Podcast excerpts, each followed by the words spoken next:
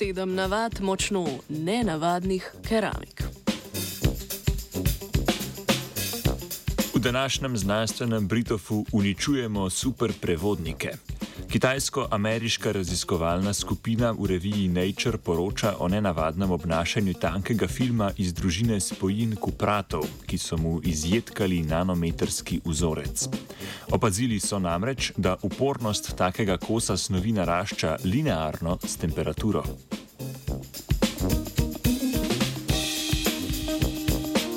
Običajne kovine ponavadi razumemo s teorijo Fermijeve tekočine, v kateri mikroskopske lastnosti snovi podedujejo enodelčne lastnosti gradnikov elektronov. Tako lahko razložimo temperaturno odvisnost upornosti, ki narašča s kvadratom temperature in je značilna za večino kovin. Slavna izjema so tako imenovane čudne kovine, ki kljub temu, da prevajajo električni tok, to počnejo z upornostjo, ki s temperaturo narašča linearno. Teorija v tem primeru torej odpove, z njo pa tudi predpostavke. Čudnih kovin torej ne moremo razumeti na podlagi lastnosti njihovih gradnikov. Celota je več kot vsota delov. Po drugi strani, običajne kovine pri zelo nizkih temperaturah pogosto postanejo superprevodniki. To se zgodi, ker se gradniki začnejo privlačiti in se združijo v pare. Standardna teorija superprevodnosti, podobno kot teorija Fermijeve tekočine, razloži ključne lastnosti snovi s pari elektronov, Cooperjevimi pari. Ta pogled pa ne ustreza za razumevanje nenavadnih superprevodnikov, ki imajo nično upornost že pri relativno visoki temperaturi in ki so glavni lik tega spritofa.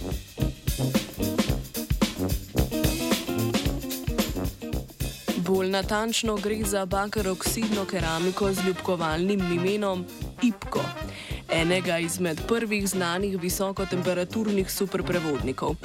Odkrit je bil v 80-ih letih in ostaja nerazumljen. Trenutno ni posem jasno niti, kaj počne, ko ni superprevodnik, saj mu v kovinski fazi upornosti čudno oziroma linearno raste s temperaturo.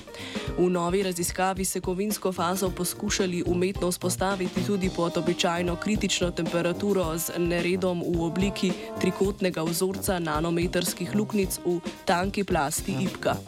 Dobili so sistem, ki spominja na prazno satovje ali z mostovi povezan arhipelag superprevodnih otočkov.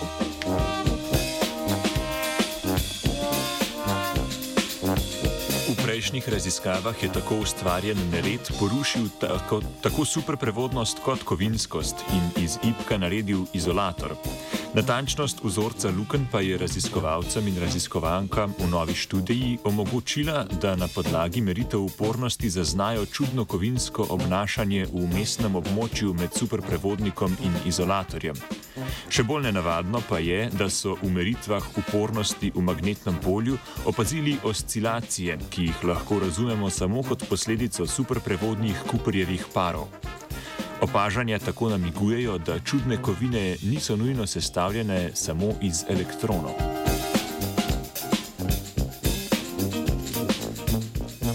Raziskovalci in raziskovalke so izdelali še fazni diagram svojega sistema. Bezonska čudna kovina, kot imenujejo novo odkrito obnašanje, je v diagramu pahljačaste oblike.